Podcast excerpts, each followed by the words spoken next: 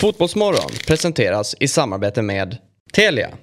Samla sporten med alla matcher från Uefa Champions League, Allsvenskan, Superettan och SHL i ett paket. ATG. Odds på Premier League, Allsvenskan och all världens fotboll.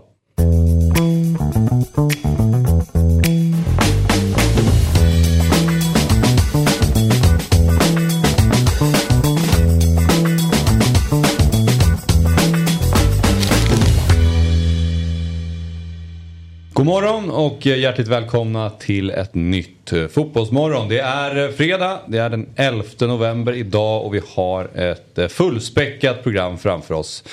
Jag ska ta och presentera studion, det vill säga vilka som sitter i den. Och vi börjar till vänster här. Och Andreas Stefansson, välkommen tillbaka till Fotbollsmorgon. Stort tack.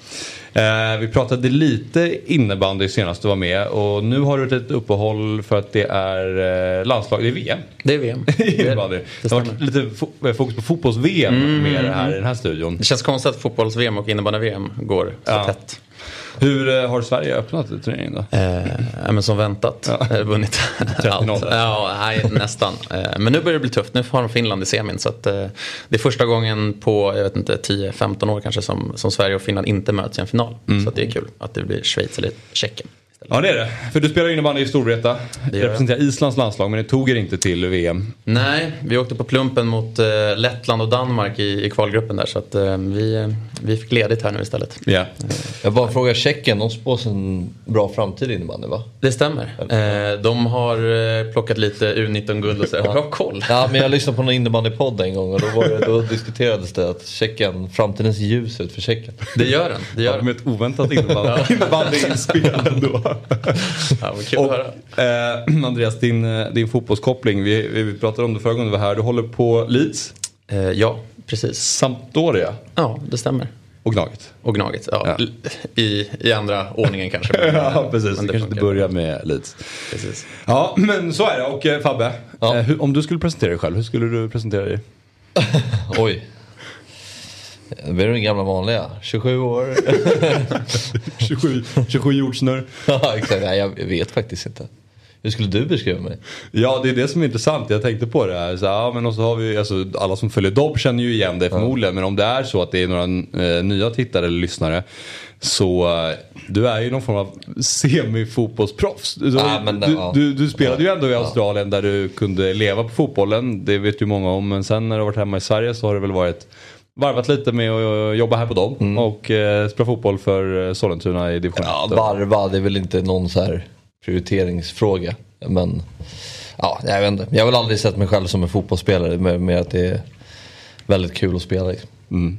Jag är inte som de här två som är liksom på den yppersta eliten. Min moderklubb för övrigt, Sollentuna. Är det så? Nej, Okej. I fotboll då. Ja. Ja. Vad ser du? Men nej, då? det, det kan det inte ha varit, eller? Vadå? Alltså jag menar det var uppdelat. Ja, IFK Sollentuna. IFK sånt, okej. Precis. Du kan omöjligt ha spelat i Sollentuna. Där platsar det inte. Du ifrågasätter Andreas. Nej, det tror jag inte.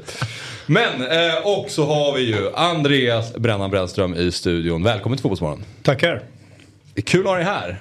Ja, kul att vara, jag vet inte om man ska säga tillbaka men jag har ju varit i lo- lokalerna förut. Ja, du har suttit med framförallt i 352 då, eh, på Dobb-TV. Där du var med ändå under en period lite när det var in between jobs då. Så att eh, vi visste väl att det var eh, Kanske inte att du skulle sitta här i studion i 3-4 år. eh, Men det var väldigt bra att ha det här. Du satt i studion tillsammans med Fabbe då. Ja men det är Axén, man har ju exempel på tränare som har liksom bytt yrke. Ja. Eller bytt liksom, Men var din känsla att Brännan skulle stanna kvar? Alltså i 352-studion? det var förhoppningen. det var kanske inte min känsla.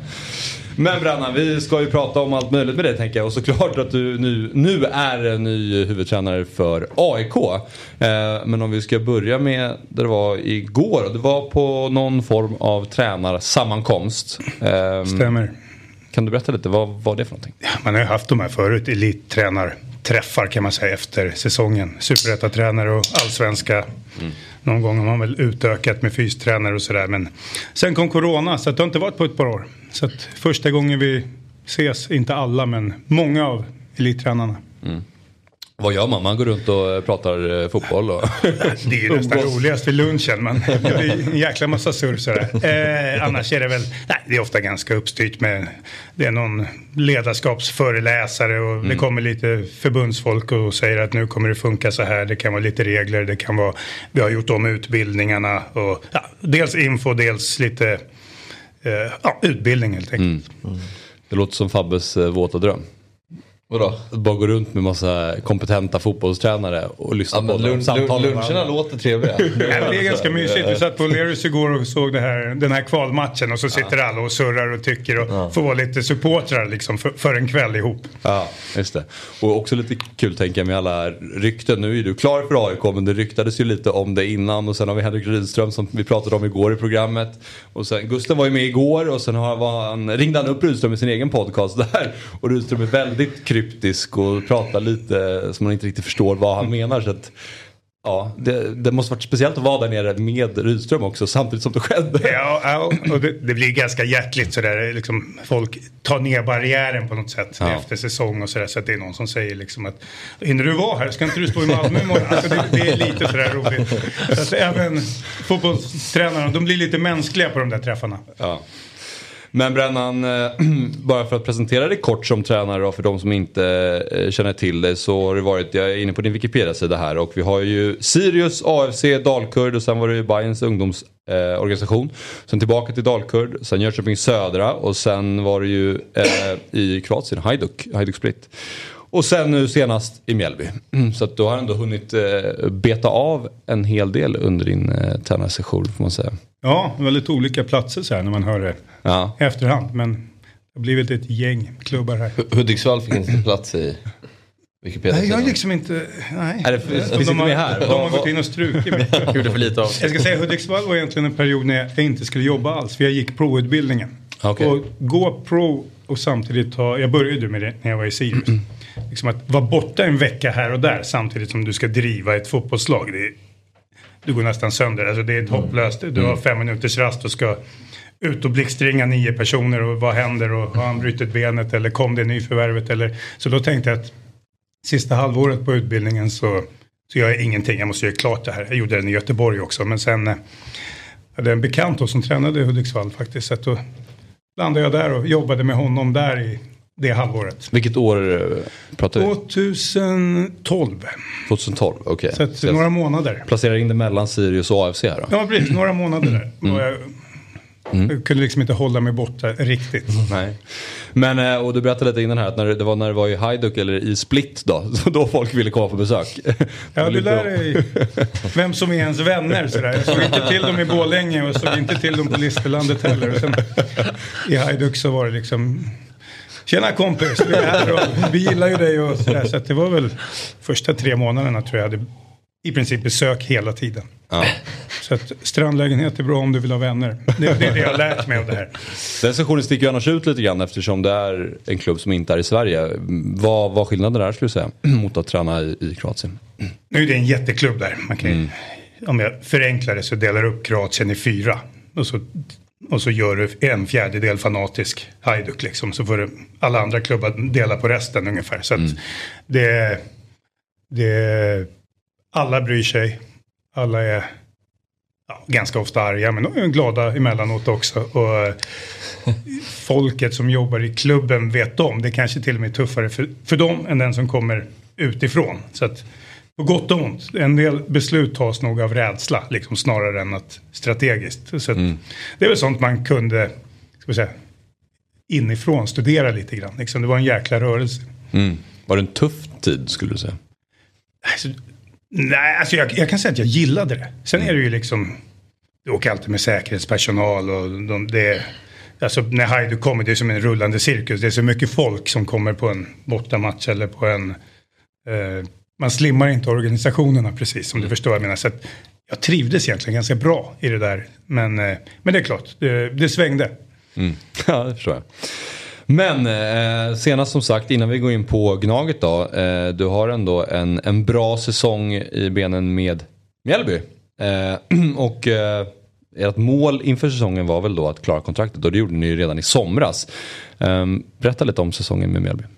Ja, det kom ju det är inte helt ovanligt att ett lag ångar på lite grann sådär under några år. De hittar en kärna som, ja, som i det här fallet vann Superettan och det har hänt flera lag. Och det lite samma gäng till stora delar som har spelat ihop några år och så får man kanske ut lite mer än eh, hur ska man säga, komponenterna, de individuella komponenterna. Man har vunnit ihop, man har avgjort de där matcherna i vänt matcher, ja, sena segrar. Man har upplevt saker tillsammans och så blir man jäkligt stark som grupp. Så var det väl första gången den här gruppen liksom splittrades. Så det var ju osäkert, även de var osäkra. Så det, att det, det försvann den här, ja, men Gadir till Häcken, Joel Nilsson till Bayern, Watson utomlands. Just det. Berkander. Kalle, årets målvakt utomlands. Alltså, Just det. så, och sen hade man ju ett par jättelyckade lån förra året. Elias Andersson från Djurgården. Amin Sarr som spottade mål. Så att, eh, vi räknade när vi mötte Malmö borta där på våren att de, på planen var det liksom två kvar från förra året de mötte Malmö. Så att, det var lite lurig start. Eh, vi pratade om, eller klubben pratade om att de har aldrig gjort försäljningar på det sättet. De har, det har ju gått så fort det här liksom. Så att de har inte strategiskt hunnit tänka igenom vad är nästa steg. Nej. Så att vi landar väl i att vi behöver föryngra lite grann och vi behöver vara jäkligt smarta här närmsta tiden. Eh, fick en bra start. Det hjälper ju kanske när du gör, gör en förändring. Han fick en väldigt bra start va? Var det- Kanske lite för bra. Eh, vi, liksom, klubben där i augusti sa att det är första gången någonsin vi är klara för allsvenskan nästa år. Så att det var ju inte tal om nyförvärv på det sättet eller någonting utan alla satt ganska, ganska lugnt. Vilka spelare var nya inför säsongen då? Alltså som du nämnde många namn som försvann. Eh, och så sa att ni föryngrade lite, men fanns det några som... Så Samuel Brolin fanns ju där förra året. Ja. Men den andra var ju överjäklig. Så Ja, det var... Men i år var det liksom att nu står du Samuel. Alltså Eh, Carl-Johan eh, Eriksson. Eriksson. Försvann ju. Mm, precis. Eh, Adam Ståhl kom in från Sirius. Just det. Eh, eh, hade ett par mittbackar kvar. Carlos kom ju förra sommaren. Så det var ju ändå bra. Eh, så att lyfte vi in, där. Noah Persson lyfte vi in från, han fanns ju där. Mm. En ung kille liksom. Det fanns ju ett gäng sådana, Otto Rosengren. Ja. Så att du kunde ju fylla på. Silas Ivanko kom. Just det. Eh, mer. Sen hade vi ju eh, något lån också. Sådär. Så att det var mest att det var lite rörigt sådär i början. För att har du haft en stark grupp och så helt plötsligt försvinner kärnan så Mm. det är alldeles tyst. Man är ju, många är ju vana att de här brukar ju prata, de här brukar... Så, så att, eh, ja, det, Det var, var- lite sökande. Och det var många bra spelare också. Alltså Ja, det Joel Nilsson säga. som har en bra höst i Bayern och du nämnde Amin Sarr och så vidare. Så att Så det, att, eh, Ja, men vi pratade lite om det förra året att Mjällby lånade sig kvar i Allsvenskan. Alltså med Sarr, Elias Andersson. Fick man Gracia där också på sommaren. I och för sig inget lån men att, man, att, man, att vi var lite oroliga där inför i år. Så här, men nu måste man hitta en trupp på längre sikt än bara att låna till sig eh, ett nytt kontrakt hela tiden. Ehm, men det, är inte så här, jag kommer ihåg när vi pratades vid när du, när du tillträdde att det, det som slog det var att ja, men den här speltruppen kan springa och jobba hårt. Hur mycket liksom kapitaliserade du på det i början och för att få resultat? Alltså, hur mycket byggde du på det? Jo men otroligt, jag tänkte sådär att eh, du har helt rätt, otroligt prestigelösa. Så att, eh, nästan för. Jag tror att jag skulle kunna gå till träningen och säga vi har något annat idag, spring två mil. Och så skulle de inte säga ett ord. Och så, Alltså, det, det är en helt annan, ja det är olika fotbollskulturer även i samma land sådär. Och de ser en stolthet i det, det har ju tagit dem någonstans sådär. Så att eh, i början, ja, du såg också spelschema. Ja, vi, vi har Elfsborg borta, sen har vi Djurgården hemma och sen Bayern borta. Och vi har byggt om här. Det är lätt gjort att du sitter och utvecklar någonting som, som du ser, det här går framåt. Det här ser riktigt bra ut. Men så har du ändå 0-6 efter de matcherna, trots att du har gjort det ganska bra. ja. Och så sitter du på noll poäng och, och så tappar några lite tro. Eller, så att man får väga mot sådär att ja, jag skulle vilja att det ser ut så här. Vi kan ta det lite snabbare framåt. Men vi kan åka på några jäkla smällar. Klarar vi det? Och så får man hålla på. Så att det blev en del, jag säga, vi var lite baktunga i början. Vi jobbade jäkligt hårt och det, men det var också ett sätt att gå in i allsvenskan. Alltså överväga hur mycket ska vi jobba kort sikt för att klara av de här matcherna och hur mycket ska vi jobba längre sikt. För kan du ta dig igenom dem till och med få mer än några poäng så ger det en tro. Och då kan du liksom ta det snabbare framåt sen. Så att det, det var liksom sådär vi höll på och vred och vände. Ja och sen eh, kom det lite rykten om att du skulle haka på Milos till Röda Stjärnan under sommaren. Var det nära? Eller var... Nu så här i efterhand kan man säga att de ställde en fråga till klubben. Jag var inte säker på att, liksom, jag ville, just för att jag har precis gjort en sån där resa. Annars, det är ju skitkul ibland att se något annat. Det är bra för alla tränare, byta miljö och komma ut lite från comfort zone. Men jag har en sån i närtid bakom mig så att det blir inte jätteaktuellt. De hörde av sig till Mjällby, Mjällby tog in mig och sa att vi är inte beredda att släppa dig nu och då sa jag fair. Så Ja. det var egentligen Det vart inga konstigheter. inga, inga konstigheter alls. Nej. Men sen eh, kom AIK in i bilden. Eh, första frågan är väl när kom AIK in i bilden? När började AIK höra av sig till, till dig Brannan? ganska nyligen, var ganska fort. Sen är det klart att jag har hört att mm, ja, du är på någon lista eller sådär. Det har väl hänt flera gånger och flera Ja. tränare och sådär. Men från att vi verkligen sådär träffades så gick det rätt fort. Så det var ju bara här om veckan. Mm. Okej, ja. Och eh, hur ser då den rekryteringsprocessen ut? Är det liksom Jurelius ringer dig en dag, du har liksom, det, det, det är ett samtal från ett okänt nummer och sen så får vi se vem det är som, som, som ringer. Ja, hur, hur funkar det liksom när, när AIK kontaktar dig? Det är lite lurigt det där för att sportchefer i ett sånt läge, säg att du inte då svarar. Då kan man ju skicka ett sms, ring mig. Men sportchefer vill inte lämna sån text. Liksom. Då finns den. Ja, just det. Liksom. Just det. Så Ja. att, eh, De vill gärna ha allting i ett samtal. Exakt, så att ibland kan de säga till någon som känner en lite som de litar på att sådär svara. eh, nej, men så... Eh, Så var det någon person i din närhet som då sa, Ja. jag vet att du har haft några missade samtal från ett nummer, jag, tycker du ska kika på och svara. ungefär så. Det är alltid därför man svarar i telefon. Man tror alltid att det ska vara något riktigt grymt som ringer. Så är det någon telefonförsäljare. hade vi ett sånt eh, Zoom-möte där vi kände lite på varandra och sådär. Ah, Okej. Och vad, vad gick AIK in med då för liksom, eller vad, hur, hur la de upp det? Nej, första den var mer sådär att eh, på en bild skulle det vara intressant överhuvudtaget. Är det någon idé att vi kanske förbereder något så vi kan träffas lite mer och vi får presentera mer. Fick någon snabb presentation, så otroligt lätt möte sådär att ja, känna på varandra.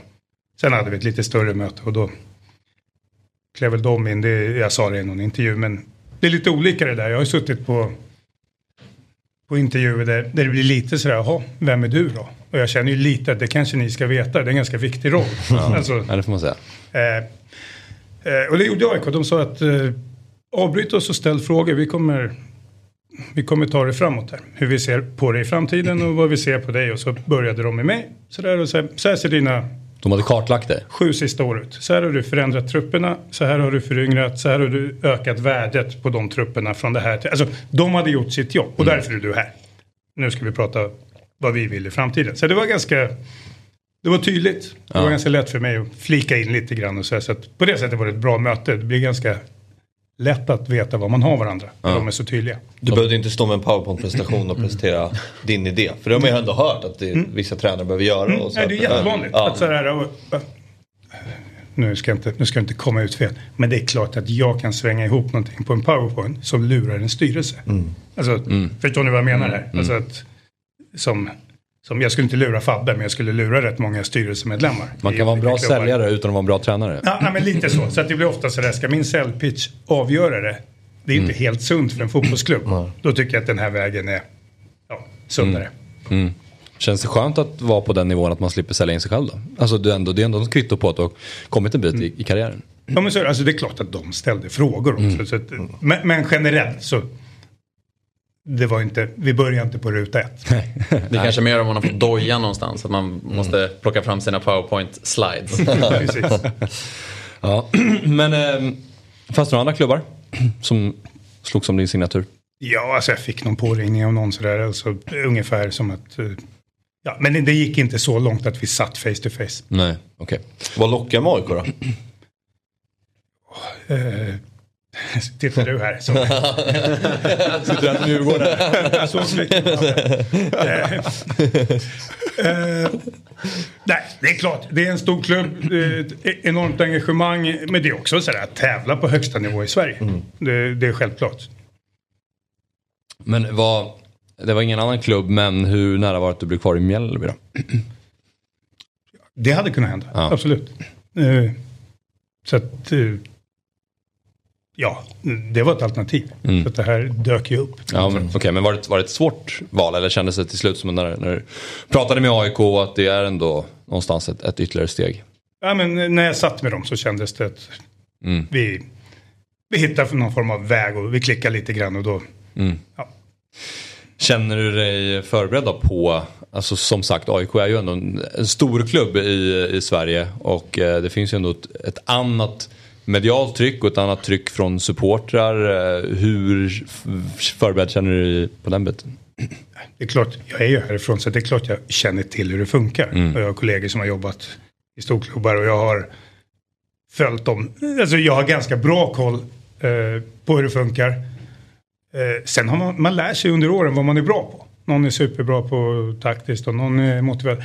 Jag har lärt mig att jag är ganska bra på att inte vara så påverkad. Att folk kan skrika och härja och att det inte rör mig så mycket på det sättet. Så att, På det sättet är jag inte orolig. Grejen är väl att man får fejsa vänner och bekanta för första gången. Alltså sådana som annars liksom, ja men nu får man ju följa Mjällby lite i smyg också. Åka ner till Hajduk och så, nu är det, se till att vinna. Alltså, så att det, det är väl den relationen som har ändrats. Man följer inte AIK riktigt i smyg på samma sätt. Nej, exakt. Utan nu får man liksom Oavsett om man håller på dem eller inte.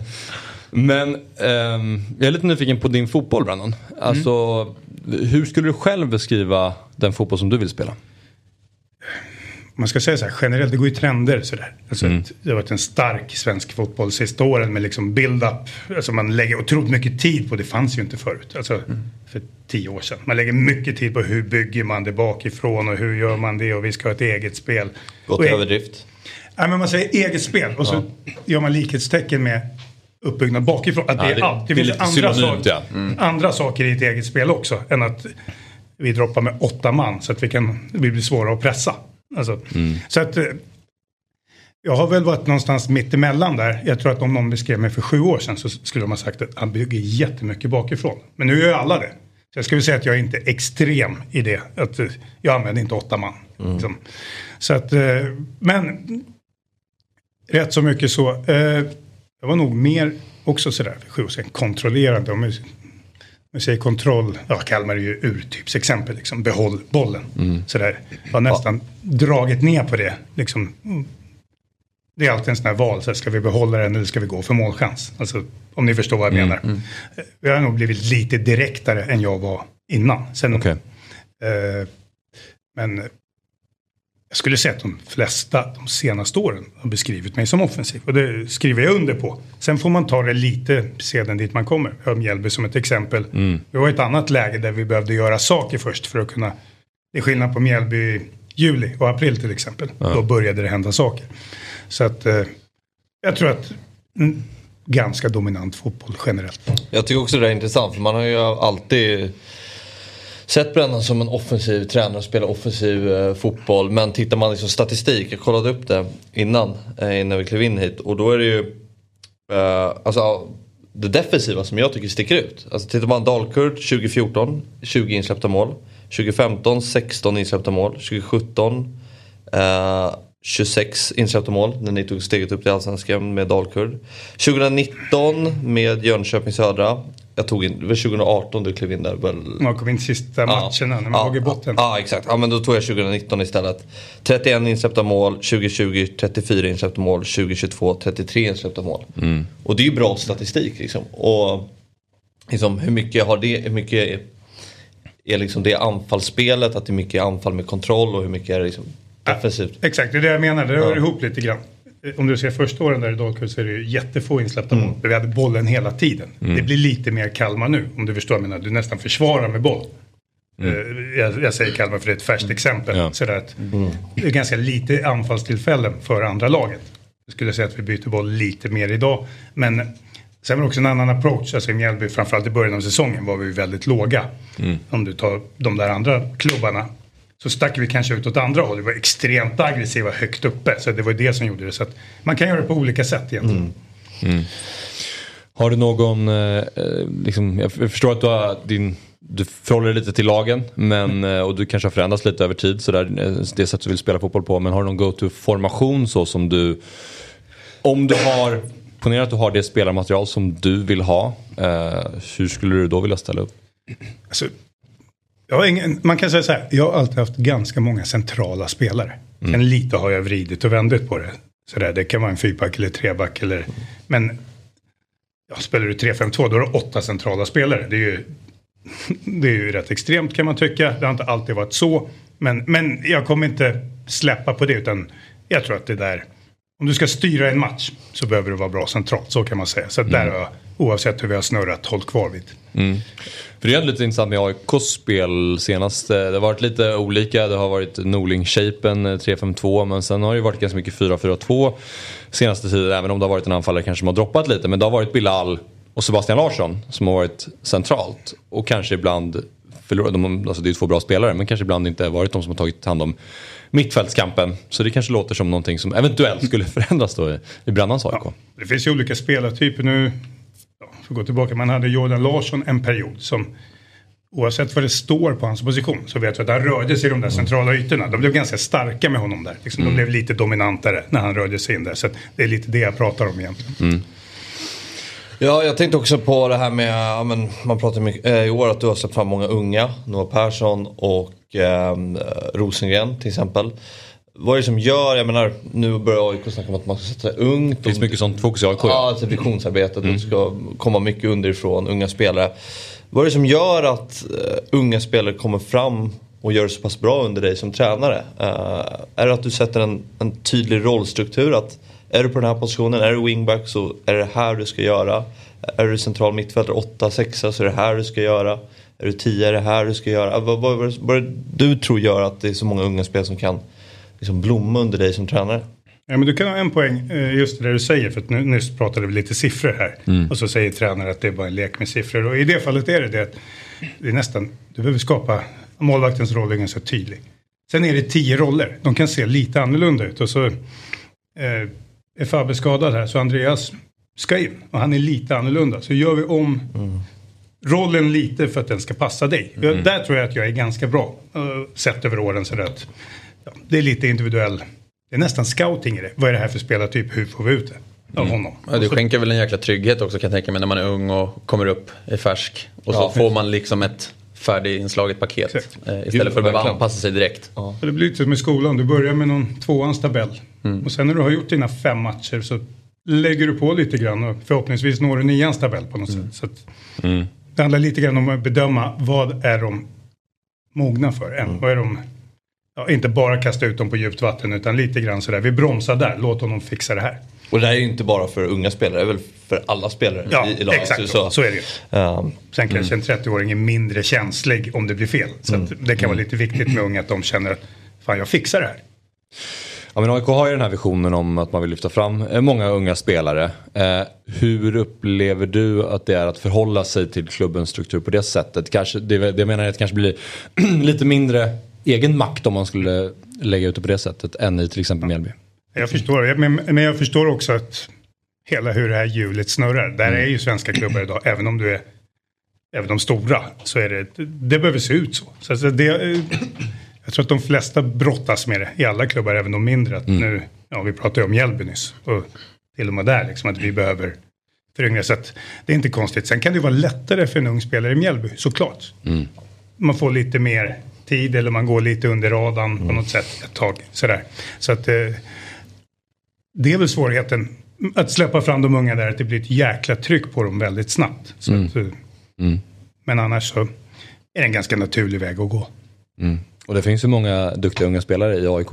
Ja, exakt, det är lätt att säga så här, vi ska spela unga. Ja, men då behöver de ungdomsverksamhet också. Det behöver levereras unga. Så att det- det går inte bara att plocka vem som helst.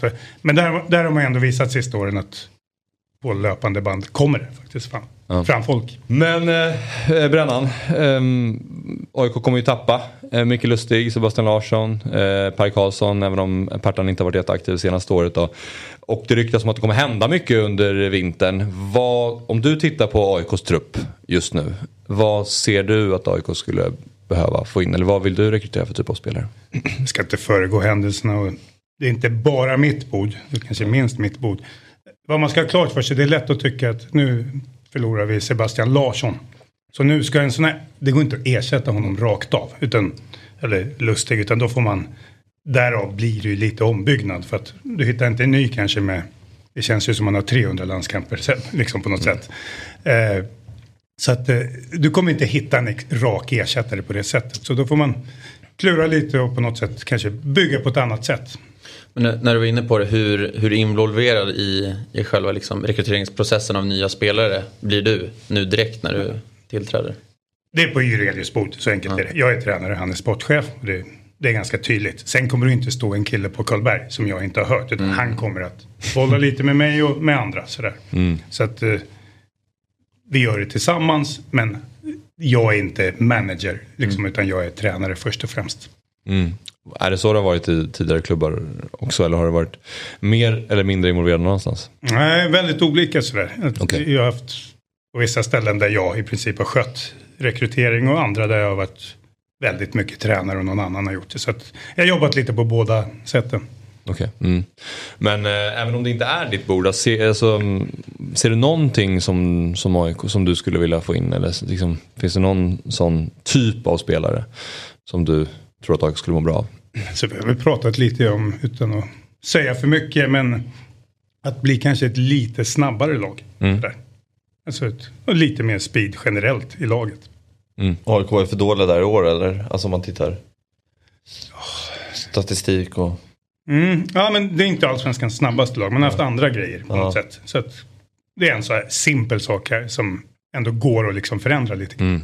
För mycket av snacket har ju senaste åren varit att man vill att AIK ska bli mer framåtlutad. Mm. Det är ett ord som används ofta och det ska vara mer offensiv fotboll. Det ska göras fler mål. Bartos kämpade ju med det där och fick aldrig riktigt till det. Det var väl mycket på grund av en tuff smäll. Första matchen på säsongen möter Häcken borta och släpper in fyra. Och sen så var det lite grann tillbaka till tidigare ryggradsspel. Um, hur känner du kring det? Att det finns en press på att det ska vara offensivt och flärdfullt? Ja men det är lite uttalat. Mm. Inte...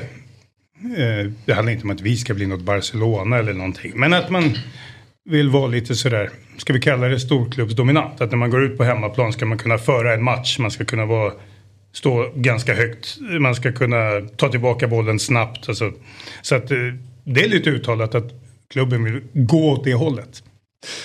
Brannan, jag var inne på din Wikipedia eh, igår och då läste jag eh, detta. Brännström har genom åren gjort sig känd som en relativt kontroversiell person i tränarkretsar. Han har starkt tagit ställning mot rasism i media och på andra plattformar. Han var också tidigt ute och pratade om matchfixning i svensk fotboll och på senare år när matchfixningen blivit mer utbredd och erkänd har han anklagat Syrianska för matchfixning vilket ledde till en anmälan där Brännström dock friades. Han har inte i intervjuer uttryckt att det sannolikt kommer skada hans tränarkarriär i form av uteblivna uppdrag men gör att han kan borsta tänderna framför spegeln utan att behöva blunda. vilket är ett underbart citat.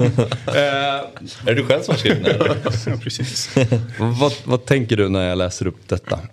Att jag blivit lite lugnare med åren. Man kanske inte...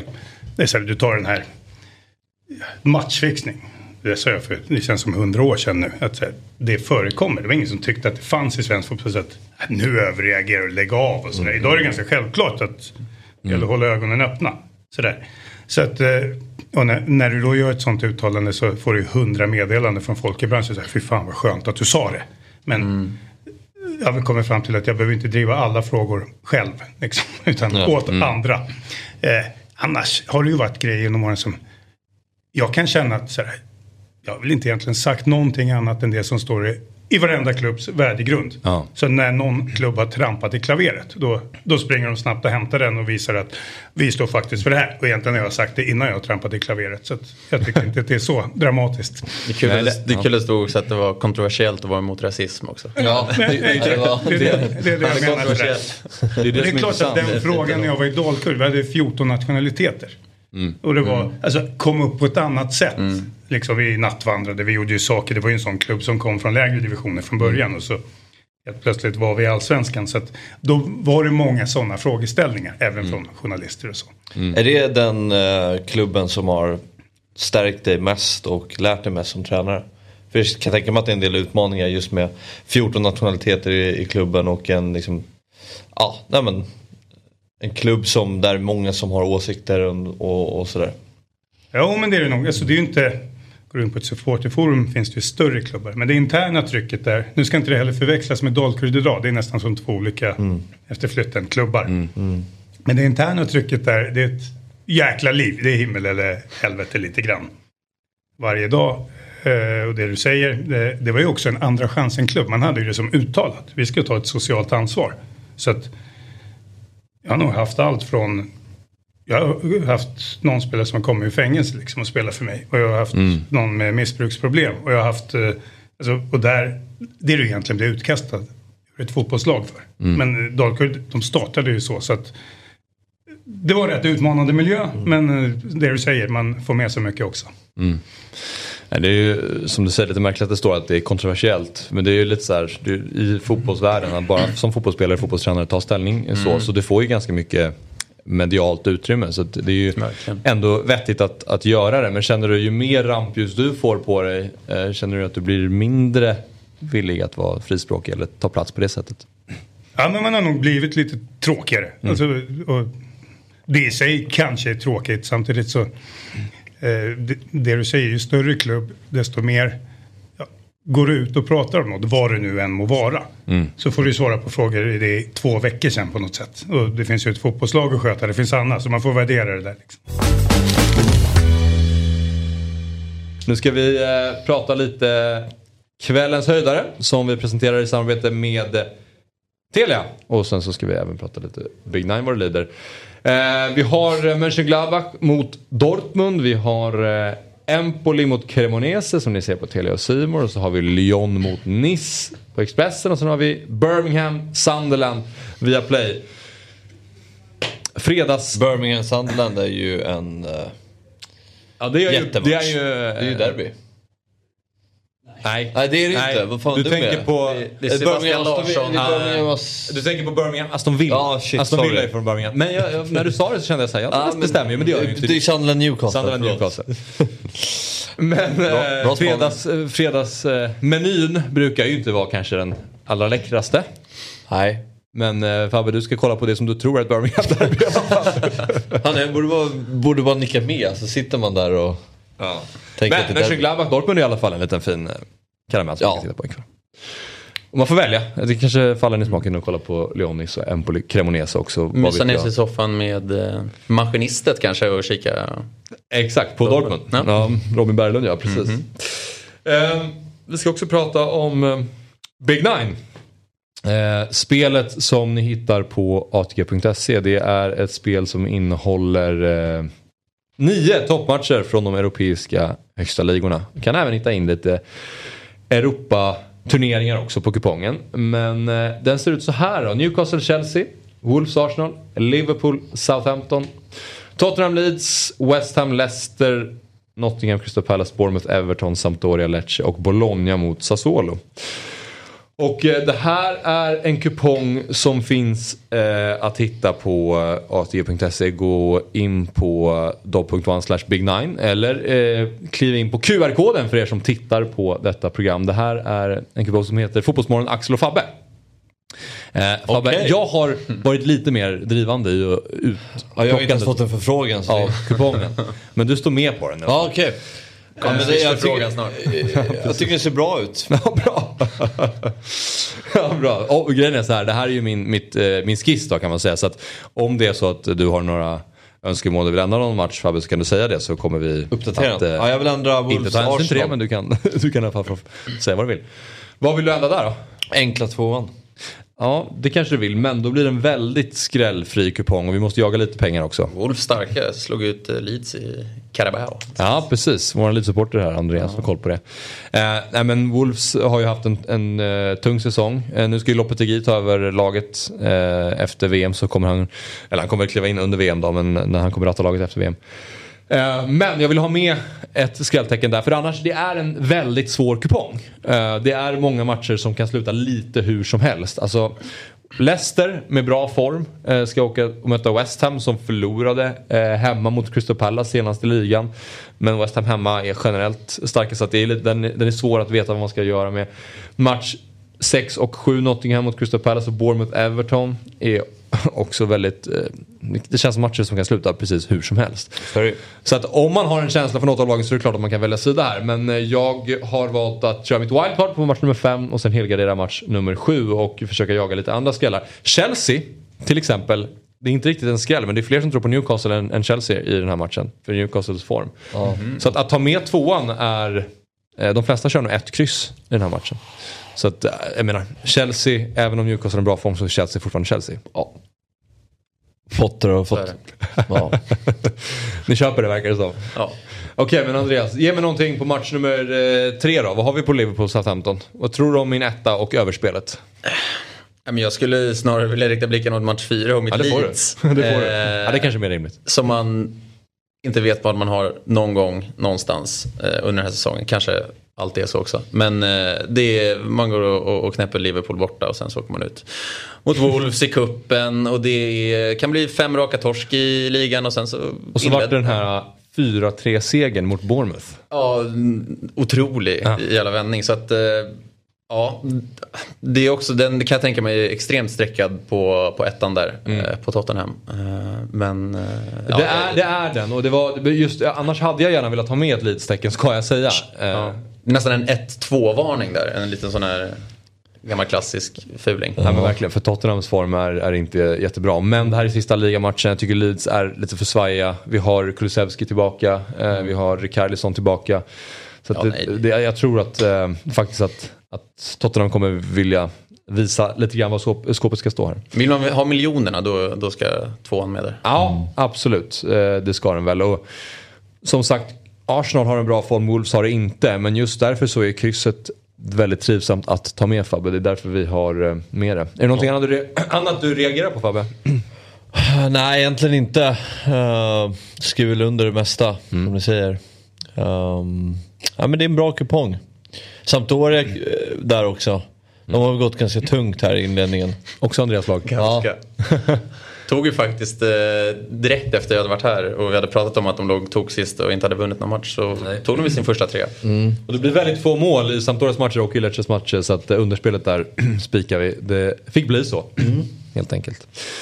Så ser det ut. Eh, som sagt, för er som tittar, QR-koden ser ni i bild. Gå in där för att rygga våra spel. Och kom ihåg att du måste vara 18 år för att spela och har du problem med spel så finns stödlinjen.se.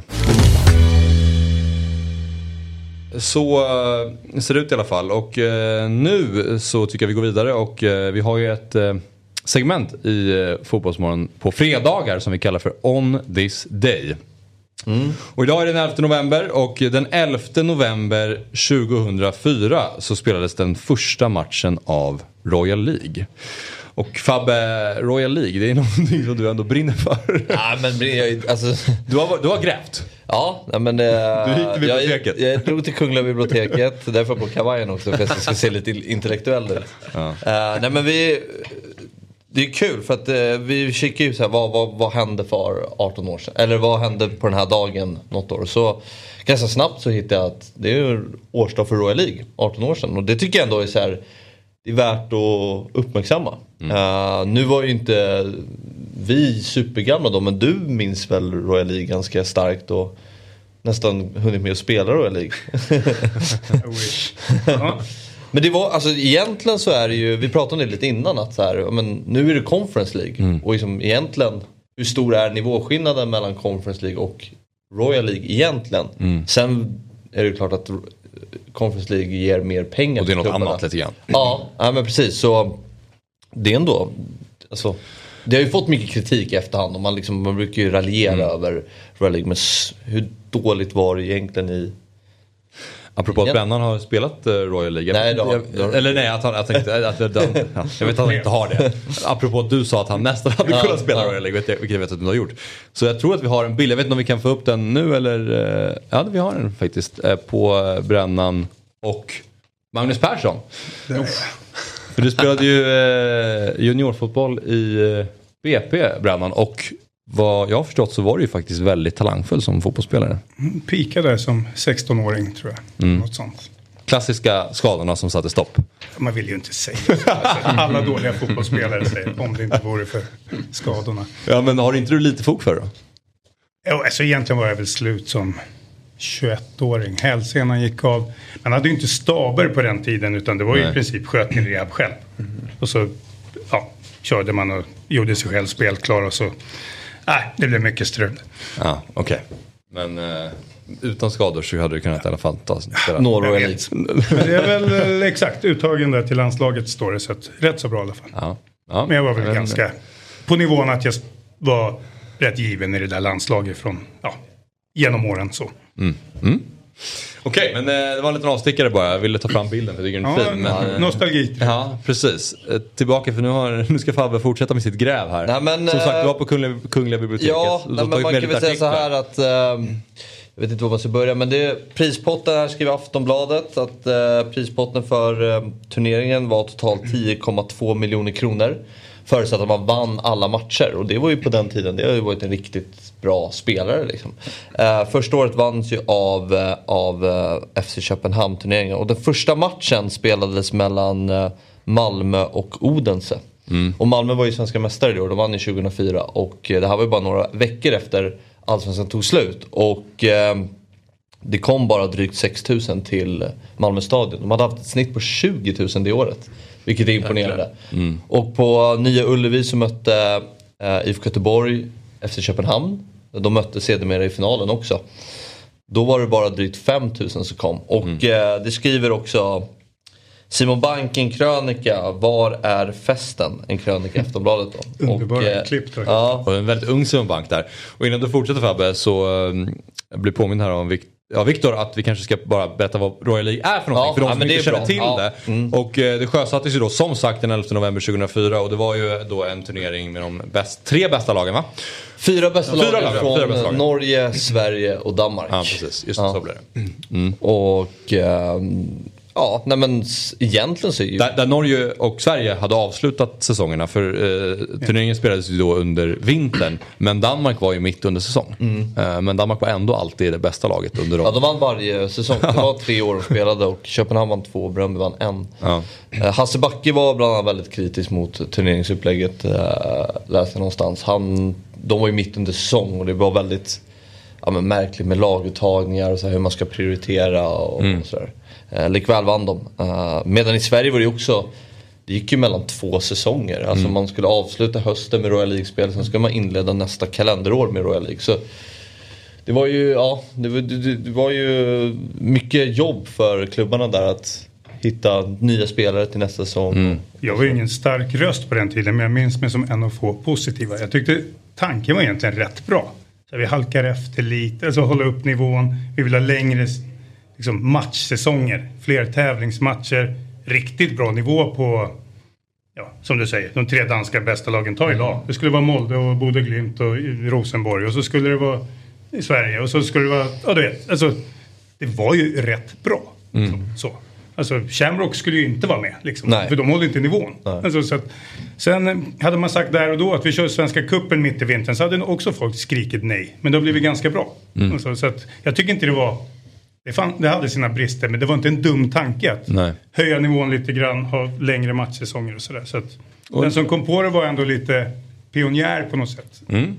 Och en av de som var med och tog fram eh, turneringen det var ju Tommy Theorin och nu kan vi ta fram våra hörlurar här då, för att nu så har vi med oss Tommy på länk. Tommy är då före detta generalsekreterare på SEF. Eh, I 18 år var det det Tommy, 94 till 2012. Eh, välkommen till Fotbollsmorgon. Tack. Tommy, eh, vi sitter här och pratar. Ja, vi hör, Vi det, hör vi hör vi det. sitter här och pratar lite eh, Royal League. Kan du ta oss tillbaka till när det började och hur diskussionen gick när ni skulle plocka fram, eller ta fram Royal League? Ja, det var spännande. Vi hade ju eh, börjat med att ordna försäsongsturneringar på eh, och sen väcktes ju tanken att eh, våra lag, allsvenskan slutade ju tidigare på den tiden, våra lag som då fortsatt spelade i Europaspel hade ju inga matcher mellan de här viktiga delarna när de skulle in och, och, och Så väcktes tanken att varför inte göra en nordisk liga för just som ni pratade om innan för att stärka oss här uppe i vårt klimat. Och eh, sen växte detta och eh, ja, det sjösattes och vi gjorde ett fantastiskt bra tv-avtal. Blickar man tillbaka och läser om, om turneringen så verkar det ha varit ett större intresse i både Danmark och Norge än vad det var i Sverige. Alltså om man tittar på besökare på arenorna. Varför, varför lyfter det inte riktigt i, i Sverige? Har lite grann att göra med eh, att vi inte hade hade riktigt på alla ställen, även de andra länderna, de här moderna arenorna som nu har växt upp. eh, obekvämt. Sen så också att eh, på den tiden var det inte det stora intresset även du sa att man spelade Uefa-cupen och så vidare. De, hade ju, de lag hade ju inte några enorma publiksiffror. Det var ju allsvenskan som hade blivit populär. Och, eh, eh så det blev ett eh, komplement eh, till det här och eh, höll intresset igång. Att det sen inte drog folk, ja det kan bero också mycket på klimatet eh, innan det hade satt sig. Hade, hade Royal League fått fortsätta tror jag att vi hade, hade lyckats väldigt väl med även publikutvecklingen på den sidan. Men det är ju något man bara man kan eh, ja, spåna i och inte ha fakta för. Mm.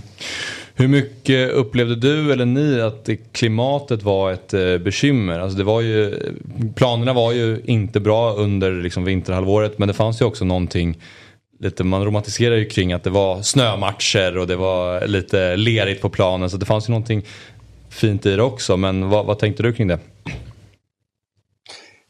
Framförallt var det Norge som var... Norge var, om jag får säga så, de var lite bråkiga för de vill ju inte de riktiga arenorna och försökte lägga det på andra arenor. Däremot vi i både Danmark och vi eh, i Sverige eh, spelade på de ordinarie arenorna. Eh, men, men sen kan man också säga att utvecklingen på arenasidorna när det gäller gräsutvecklingen har ju blivit enorm mot vad den var på den tiden. Att planskötare har fått mycket, mycket mer att säga till om i klubbarna. Och vi har ju så mycket bättre underlag idag i form, nu säger jag inte bara att det ska vara konstgräs, men även med eh, implementering av annat och hur man eh, sköter och lägger sina planer idag. Hade man haft det på den tiden hade det sett annorlunda ut. Visst hade det gjort det. Mm. Så Royal League startade kanske lite för tidigt. Det hade tagits emot bättre idag.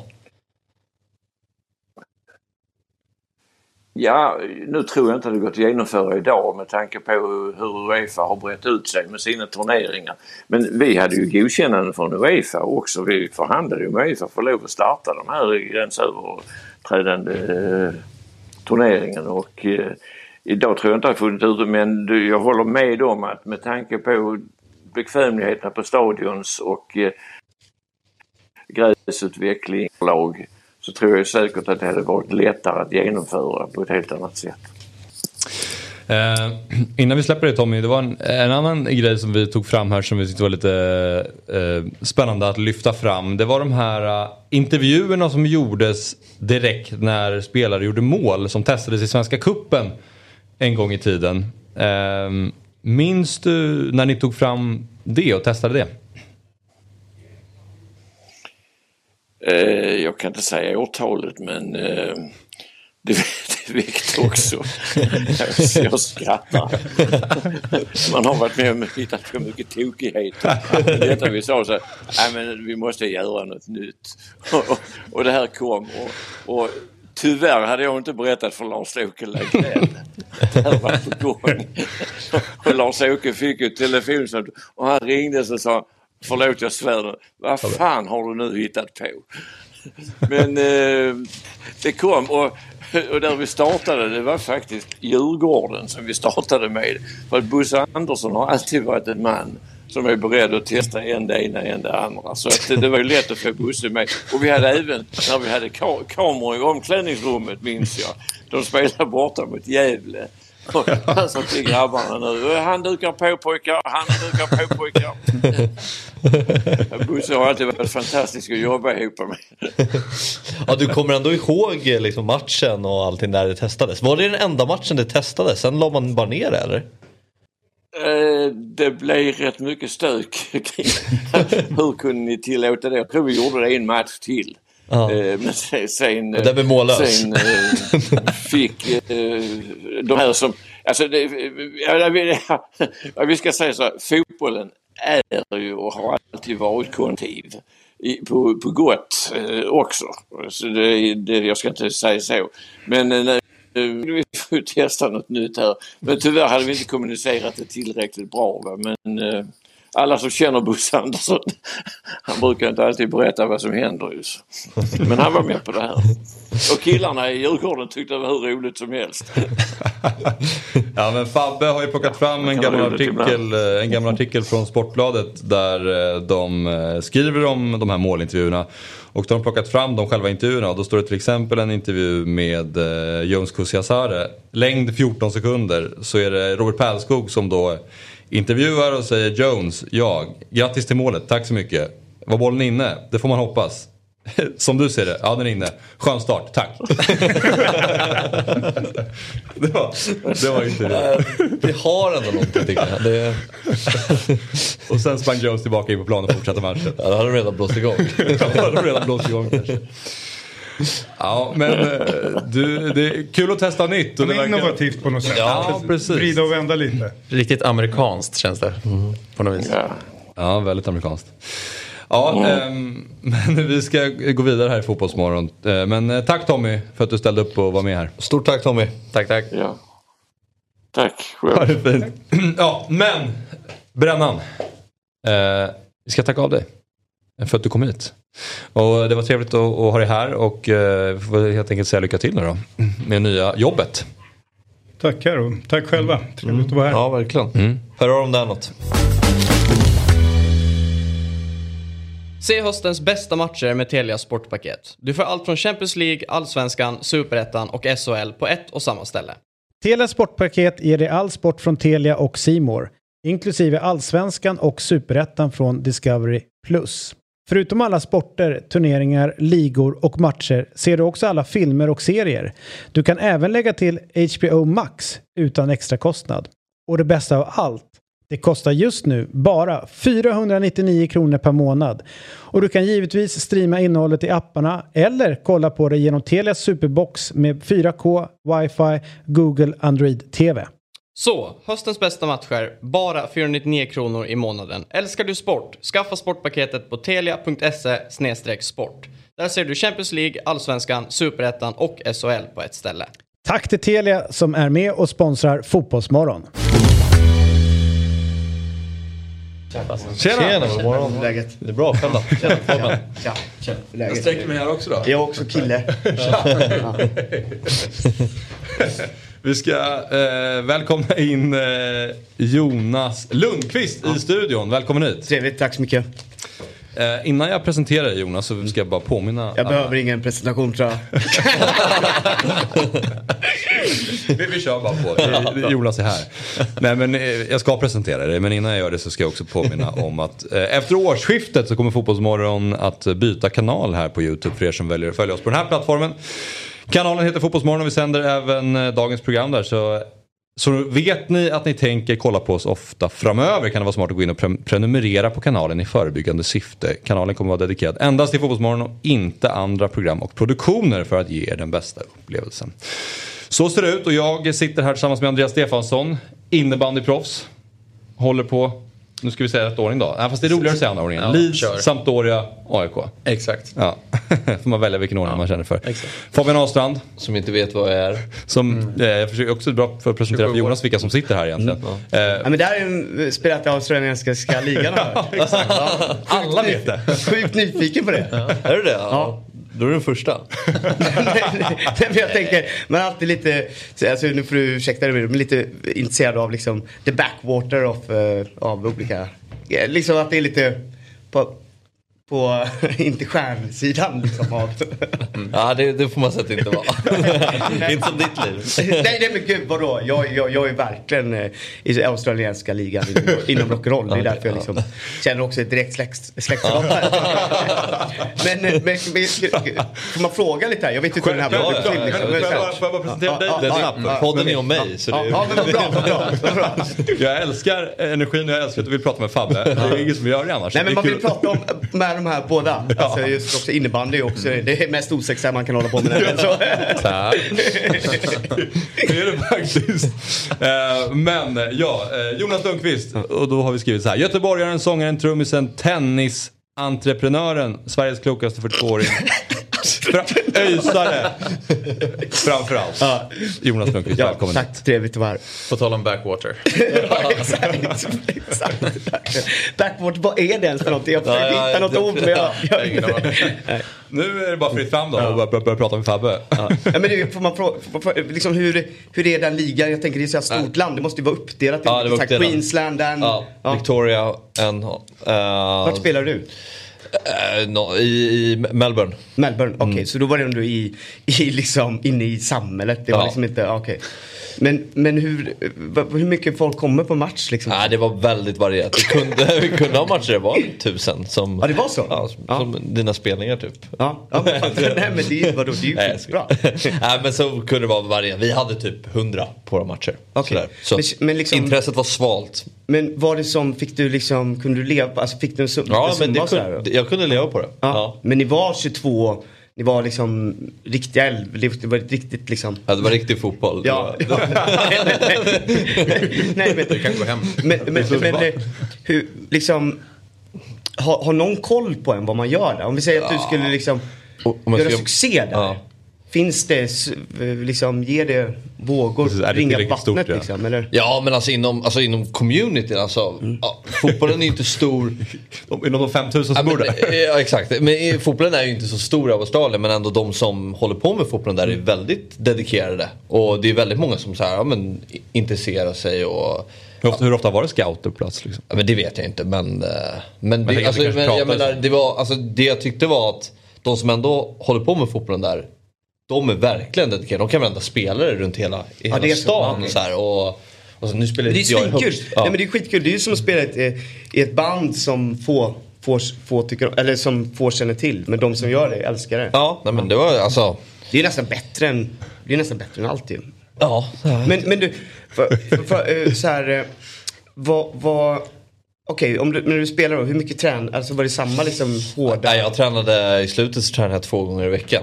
Okej, är det, är det, Det är ingenting. ganska lite. Ja, det är jättelite. Jämfört i Sverige så tränar man ju i snitt fyra gånger i veckan. liksom. Men vad är Så- Australiens sport? Vad är det de samlas kring liksom? De är kör det ju, rugby eller? Nå, det är ju lite uppdelat i olika städer. Ja. Där jag, I Melbourne då var den här australiensisk fotboll är ju väldigt stort. Men vad- vad är det- vad- vad- ja, men det är är väl typ, jag är så dålig när det kommer till eh, regler och Jo, men de menar, här är det- är Men det- det är, det är typ en bland, man kan säga att det är en blandning mellan amerikansk fotboll och rugby. Okej. Och så, men väldigt, väldigt rolig att titta på. Jag var där och kollade en... Men får man sparka? Ja, ja man sparkar, så ska man sparka mellan de här... Ah, ja, mellan mål- den, ja. eh, den där. Ja. Det är- Ja, vad heter det? Ja, ja. Vadå? Du håller på, vad heter de här man sparkar emellan? Tror du bara kallas för goalpost? Ja, eller? goal po- ja. Men eh, ni ska få fortsätta. Men jag, Okej, okej, bara- okej, bara- bara- Det här är helt underbart. Som du sa, det är bara för oss att checka Ja, ut. ja. Vi skulle, jag vill byta plats med Jonas. Jag vill bara, jag vill bara, jag vill bara, bara, bara jävligt nyfiken Ja, men det- på Australienpodden med, med Jonas och Fabbe. Första gången jag kände mig rätt lugn att prata om Australien. Liksom. Du känner som att du öppnar upp det på ett helt annat sätt än vad du Ja, gjort tidigare. Nu vet Jag plötsligt precis vem det är. Ja, jag har alltid tyckt att det är jobbigt att prata om den. Nej, men man har ju faktiskt en del vänner så som har satsat på idrott. Eller så här, i alla fall där jag kommer från, eller från fotboll liksom. Och eh, har precis kommit sådär. Uh, nu menar inte jag att du kom liksom absolut halvvägs. Eller liksom, alltså, det var inte det jag menar. Men man kommer nästan hela, hela vägen sådär. Och så, så, alla de här timmarna som man har lagt ner på det. Man har alltså sagt nej till både vänner, skola och liksom kanske även utveckla socialt. Och, och liksom lära sig beställa på restaurang. Du vet hela livet liksom. Och så, så, så står man där kanske som eh, 17-18 och inte liksom, man når inte hela vägen fram. Det finns ju någonting eh, finns någonting i det man är intresserad av. Ja. Som, jag, som jag också kan relatera till i och med att jag har hållit på med musik så länge. Det, det, är, det, är, nå- ja, det är spännande. Men eh, Jonas Lundqvist, Mm. eh, tidigare trumslagare i, bandet eh, Bad Cash Quar- Quartet. Ja, precis, stämmer. Och eh, har även eh, gått under artistnamnet Jonas Game och nu är det Jonas Lundqvist Ja. som gäller. Ja. Ehm, men... Så jävla gott med kaffe, jag får inte dricka kaffe du vet. Du får inte dricka kaffe? Nej, jag blir tokig. Jaha, okej. Men eh, smakar det gott då? Ja, verkligen. Jag kommer ihåg känslan, jag kommer ihåg precis känslan. Hur länge sedan var det du drack Nej, ta, nio månader sedan ungefär. Mm. Okej. Druckit te, grönt te. Mm. Men nu skiter vi i det, nu går vi vidare. kör, kör på. Det är någon form av återfall till kaffet vi vi ser här. men, men Jonas, du är ju, vi, vi sitter ju i Fotbollsmorgon. Ja, Eh, så att, eh, Verkligen. till att börja med, din relation till fotboll. Stark och eh, lång. Började fotboll när jag var kanske tre, fyra år. Min pappa, otroligt intresserad, eh, kommer från en familj med tre, vi är tre, fyra syskon, nu. alltså jag, vi är fyra stycken inklusive mig. Med två stycken bröder, en äldre bror och en yngre bror. Och vi spelade fotboll eh, jämt. Min bästa sommar i mitt liv är Italien 1990, VM. Eh, då, då, då tror jag att man stod från morgon till kväll och sköt eh, frispark och försökte få den här snurren på bollen. Liksom, I vårt, eh, på vårt landställe där och jag kommer ihåg att morfar fortfarande levde och det var han man ville ha få lite beröm av någon gång. Och min, eh, min mammas bror var målvakt i Skaras A-lag. Eh, och eh, min, ja, min pappa spelade fotboll och min pappa var också fotbollstränare för generationer av kids i Örgryte Skår där jag kommer ifrån. I ett lag som heter RIK. Alltså det är inte handbollslaget utan det fanns en fotbollssida då på den tiden också. Det, den lades ner den sektionen i RIK, alltså fotbollssidan. Och då kommer jag ihåg att då gav pappa ÖIS 120 stycken spelare från ungdomslaget liksom, laget då. Så fotboll är alltså en jätte, jättestor del av mitt liv och eh, jag har nog många av mina bästa minnen därifrån. Men det är ju sådana här minnen. Du vet, eh, föräldrar samlas, vi sitter i en bil, vi ska på bortamatch, förlorar med 7-0 men någon tycker ändå att vi är värda en Calippo var efteråt. Förstår ni vad jag menar? Känslan du vet så här. Eh, att det var jävligt mycket när man ser tillbaka på det. Eh, sjukt mycket värme, kärlek från massa föräldrar och stort engagemang som man självklart bara tog helt för givet. och eh, förstod vilken, vilken mäktig grej det var då liksom. Ja. Men jag hade också en lillebror, Erik, Erik Lundqvist, som, eh, som gick upp till en, en hög nivå och eh, ja, men spelade med Kim Källström och liksom blev uttagen till eh, all, du vet det finns så många Så ord ungdomslandslag, Ungdoms, eh, Inte ungdomslandslag, Nej, strax innan regionslaget. Distriktslaget. Distriktslaget, Ja, precis. ja, okej. och, och jag vet att han spelade med Kim Källström och han, han tunnlade honom en gång under matchen. Men lyssna här vad Kim gjorde sen då. Han tunnlade min bror nio gånger kanske sex, men jag vet att det var en hög siffra. Nio kanske, nio, nio kanske är fotbollsmorgon. Men i alla fall fem, fem, sex stycken. Och att min lillebror han satsar i allting. Alltså han är tek- sjukt tekniskt begåvad fortfarande än idag. Vi spelade fotboll på midsommar nu. Alltså hans tillslag är löjligt. Alltså hans boll sitter har ni sett? Alltså bra spelare, du, du vet ju, jag sitter ju här men, men, men- men visst är det så här, folk kan ju lira du vet, så här, bara, ah, jag kan lira lite. Men de som kan spela fotboll, fotbollen sitter ju fast på fötterna. Fast de rör sig alltså helt så här extremt så, så sitter den liksom, den sitter fast på hans fötter. Men hans knän pajade och han, han minns den natten när han hade spelat mot Kim då, för han tyckte att han, fan han kanske har någonting här. Så jag mötte Kim Källström och kände bara så här, det kommer inte bli fotboll för mig. För om det finns en sån spelare här, liksom som Kim Ja, då. Mm. Eh, Det är orättvist, Kim var extremt begåvad som, så han kanske inte blommade 100% lika fullt ut. Som vuxen spelare sen, men, eh, men att han minns att då, det var liksom, ja det var en sorg där, där natten han förstod att det fanns spelare där ute liksom. Det var bara ett Kim ödmjukt- förstörde, Kim förstörde drömmen. Nej men så jag, fotboll, fotboll är ju jätte, jag har varit en jättestor Ja. stor del av mitt Ja. liv. Framförallt väldigt mycket i vänner och bra, bra Mm. minnen runt fotboll. Ja, alltså att vara i Italien under VM 90 måste ha varit Nej men gud, jag var aldrig där. Fan, min familj åkte aldrig utomlands. Nej, nej, nej, nej. VM Men i Italien. Nej, nej. Men vi var ju i Italien. Alla vi var ju. Det var liksom låten. Jag tycker jag kan bara. Och Nej, det- Fattar du hur det också? Nej, förlåt. Det var helt otydligt. Vi var inte i Italien. Nej, nej, det nej. det Men jag menar, vi var på landet med tvn, alla matcher. Allt, allt, allting var. Italien. Det var ju liksom, det var ju för fan Det känslan. lät för bra för att vara sant att du hade sommarställe i Nej, Italien nej, nej, nej, 1990. Ja, det lät, det lät, det lät Nej. väldigt underbart. Ja, nej. det var Ja, därför nej. jag fastnade för det. Nej, Vad var du då? Tio år eller? Ja, tio år ja. Tio år. Ja, ja. Vad, vad, är ni, vad är ni för något? Ni är yngre va? Vi är yngre. Eh, jag är född 94. Ja, ta det lugnt. Man är, man är 18 när någon är... Och då är kan jag- du säga 89 då. Du kan säga, inte säga 94. Då är jag ändå äldst här tror jag, av oss. Vi ser även din keps där ju. Ja, TK-örnen. TK-örnen. Ja. Ja, ja, ja. Berätta lite om eh, di- din... eh, Nu ska vi din- intervjua dig. Tillbaka till Jonas. Nej, men till, till tennisen. Ja, eh, tennisen. Nej men... Eh, Ja, jag spelade tennis på så hög nivå jag kunde fram tills jag var 14 ungefär. Eh, vilket är så dålig ålder att lägga av på för man har inte växt klart i puberteten. Så, här.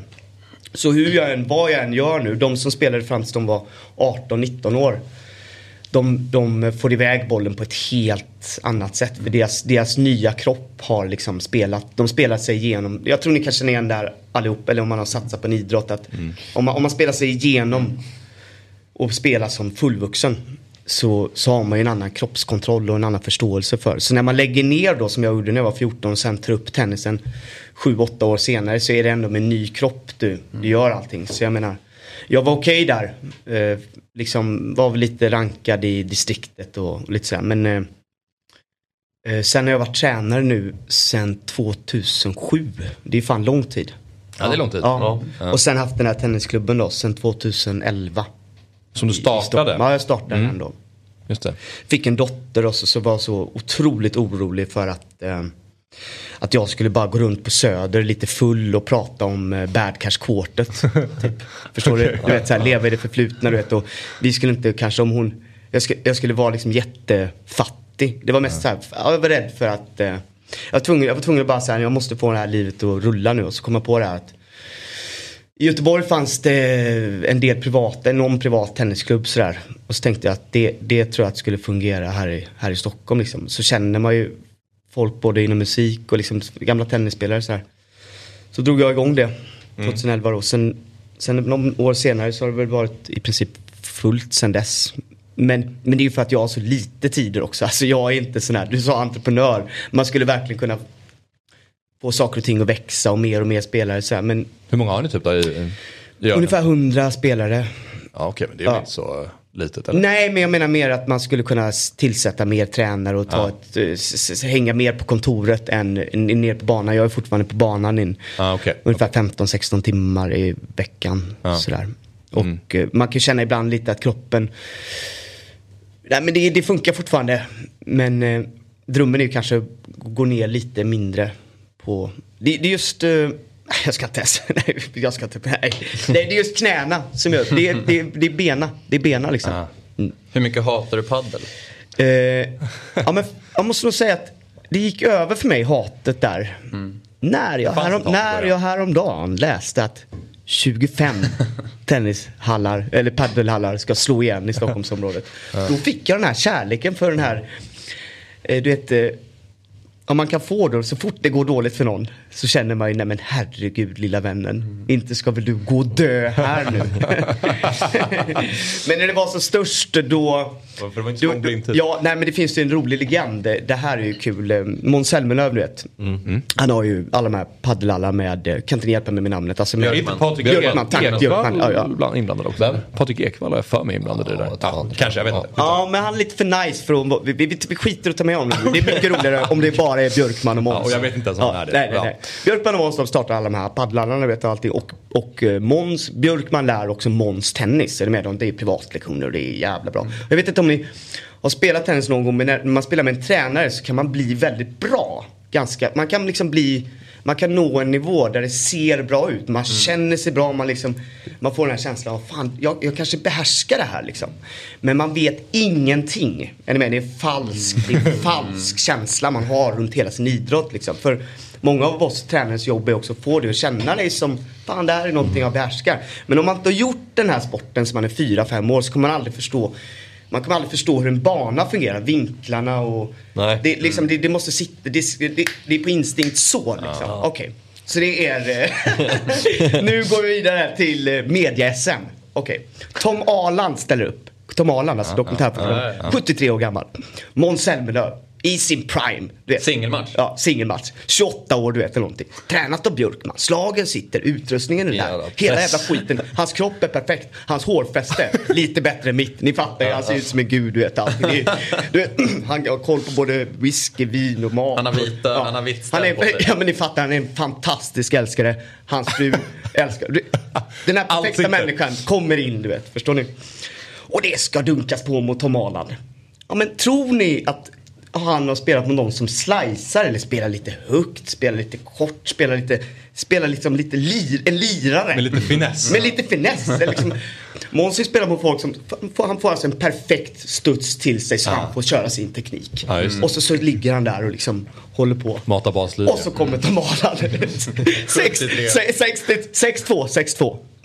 Nej. det är underbart. Nej, det är underbart. Ja, det är fantastiskt. Så, vissa nätter under, när de hade som mest paddelhallar, då, då var jag ändå tvungen att gå in från TK Örnen, Instagramkontot. Då. Vi är inga följare, vi följer heller inga, några, men vi är liksom 70 pers där. Och det är så jävla dålig stil, men det är så här, kanske druckit ett par öl och så gick jag ändå in på Måns och skrev bara Tom Arland, Måns 6-2. 6-2. och att jag gjorde det fl- flera gånger liksom. Och så här, jag känner bara så här nu när, det går till helvete för dem. Så, så ångrar det verkligen. För det är så jävla svagt. Men jag tycker också att det finns någon sån rättvisa i sporten tennis. Ja. Det är en sån fantastisk sport. Alltså om du, om du inte har gjort det så kommer du aldrig någonsin, du kommer aldrig kunna lära dig det. Om du inte har gjort det som du var barn. Liksom. Och det, jag tänker att det är som att hoppa in i elvamanna du vet om man inte har spelat. Det, det går, det, man fattar Nej. inte liksom. Fick du någon svar av Måns på Instagram? Jag fick inte det och jag, jag, jag, efter jag skäm, det här är ett beteende jag skäms för. Är ni med? Det här är ingenting jag uppmuntrar er ungdomar som lyssnar och håller, sysslar med. Instagramma på nätterna så. Men... Näthatspionjär. Ja, Jo. näthat. Ganska lite ofarligt ändå. Ja, men jag tycker att det är så fint just Tom Arland. Alltså, jag älskar ju Tom Arland. Jag, jag tycker att han är en helt fantastisk jävla lirare ändå. Och jag förstår hur han gjorde det. Jag förstår hur han, han gav liksom, alltså att man ger ansvaret till någon i tennis. Alltså om du, möter en hårt slående spelare som är som slår på dina bollar. Du kan också sk- skjutsa tillbaka bollar som är utan kraft i. Så att du får ansvaret. Ja men här, varsågod spela tennis då. Jag kommer bara ge tillbaka den. Ja, men det är det värsta man vet. Ja. Det är det värsta man vet. Ja. Och eh, det, det, det, det finns ju en skiljelinje linje där bland spelare om man kan behärska det eller inte. Mm. Liksom. Ja. Men det har nästan blivit lite kreddigt, alltså apropå att paddeln har kommit, att, att tennisen har blivit kreddig för då är det så här, ja okej du spelar paddel men jag spelar tennis. För där, ja men det är ju racketsportens Formel 1. liksom. Det blir ju det. Du kan ju sitta på en moped sen vill du ändå vidare i ditt liv. Liksom. Precis. Eh, Men det har man märkt att det är väldigt, många vill spela tennis. Alltså Sverige är en stor tennisnation. I, i eh, alltså bakom proffs, proffs liksom nivån. Så Ja. det är sjukt många som spelar tennis eh, i, i våran ålder eller så här upp, uppåt. Men sen är det ju, det är ju synd att se vad som hände med svensk tennis och att vi inte vi får tag i talangerna. Liksom att en bana kostar, vet, vet, vet du vad en bana kostar i Stockholm? Ja, timmen. Alltså att hyra en timme liksom. Ja men efter, efter vi säger när skolan slutar då, då kidsen ska spela. 350 till 450 kronor. Ja. Ja, och, ja. och mest 450. Mest är det 450 där. Alltså, och då var som förälder och försöka satsa där eller någonting. Du vet, det krävs enorma ekonomiska resurser. Och eh, eh, ett barn som är 10-11 år, de måste gå upp i 7-8 timmar i veckan nu. Ja. Och det är en viss typ av människor som bara kan ha råd med, med den grejen. Och att Svenska Tennisförbundet eh, ja, men det är någonting jag skulle, nog skulle vilja jobba Om jag skulle vilja gå någonstans så är det till Svenska Tennisförbundet och försöka bredda det utåt. Att inte alla går till fotbollen. Nej, men, eller, eller de här sporterna som är mer eh, tillgängliga liksom. Sen är det ju, alltså det, är ju, det finns väl för få tennishallar idag? Det alltså, finns, eh, i- inga hallar, liksom. Jag tycker så här, när man går in till, jag spelar en del och, och det blir ju så här, man får ju spela 06.00. Ja. Det är ju då man får lira. Uh, för att det är så upptaget överallt.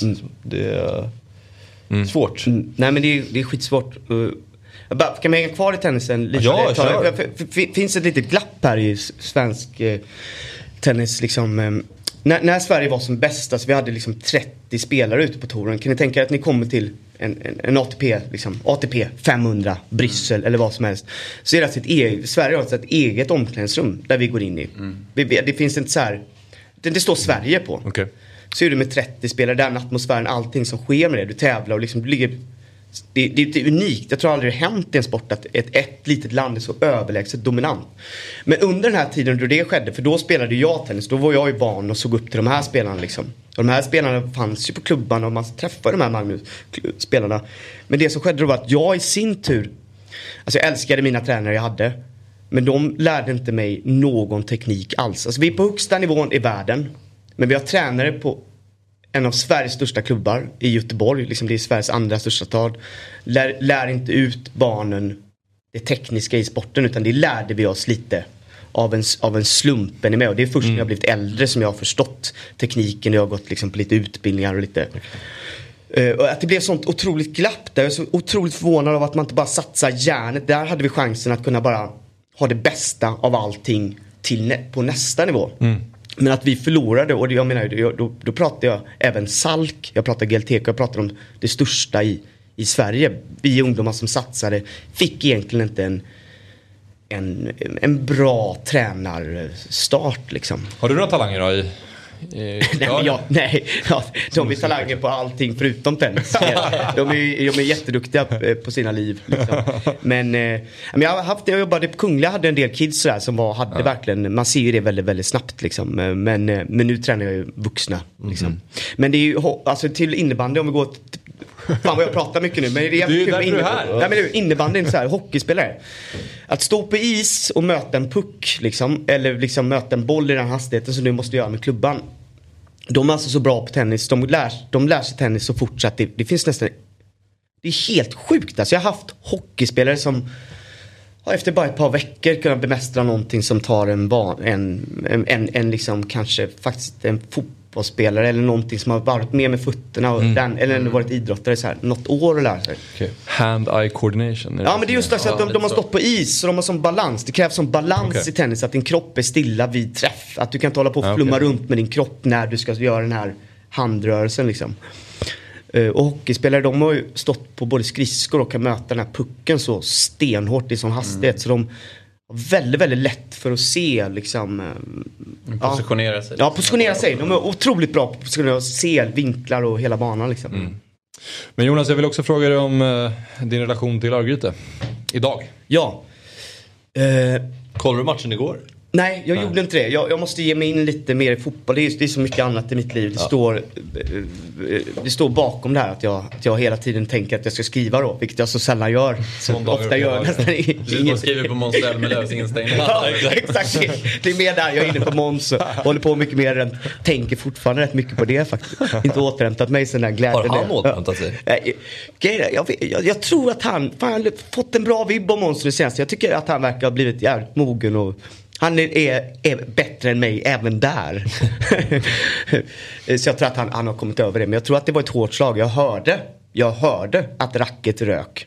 Att Mercedesen utanför BMWn, olika vilket märke den var, rivstartade. och att det inte var någon som var kvar och liksom på någon ceremoni eller någonting. Utan det var fan i mig bara rakt hem till eh, ja, någon provsmaknings whisky-grej hemma. eh, nej men Örgryte, jag har ju en relation till Örgryte för att min pappa hade en stark relation till Örgryte och att min bror spelade i Örgryte för Men Örgryte. Gick du på matcher när du var liten och så eller? Jag gick på en del matcher men framförallt så ja, gick vi på stora matcher på, på Ullevi liksom. Med, med. Ganska mycket publik på den. Jag gick väldigt, väldigt mycket på handboll. RIK. Ja. Eh, Men, men vad säger vi om ÖIS nu då? Vad, vad, vad, vad, vad, händer? Alltså jag tycker nu, nu har det blivit så länge sedan de åkte ut allsvenskan så de är som Relevansen är inte lika stor längre. Nej. De dyker ju upp på sådana här listor. Så här, vilka lag skulle man vilja ha Ja men det är där. Det är där de dyker upp. Ja. Vad, sa du? Vilka listor? Vilka, Nej, vilka om, lag? om, om folk får liksom säga, ja men det här är den perfekta allsvenskan, de här lagen skulle vi vilja ha. Ja, då vill man ju ha. lag. Då brukar de ju figurera där. Ja.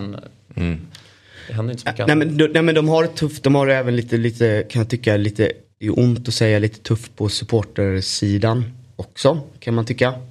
Alltså, eh, jag tycker att det är dags kanske att eh, se ÖIS med nya glasögon. Ja. Att, eh, att de lever kvar i någonting som var liksom lite kanske en känsla av eh, flärd och lite öv, inte, inte, absolut inte överlägsen liksom i, kanske idrottsmässigt men liksom just eh, bakgrunden liksom. Alltså att det ändå kommer från ett område som är liksom trevligt och fint sådär. Men det har verkligen jag tycker att det är, finns en underdog-känsla runt Örgryte nu som är ganska attraktiv. Det är någonting som, eh, om du vill vara unik, gå med, gå med ÖIS då.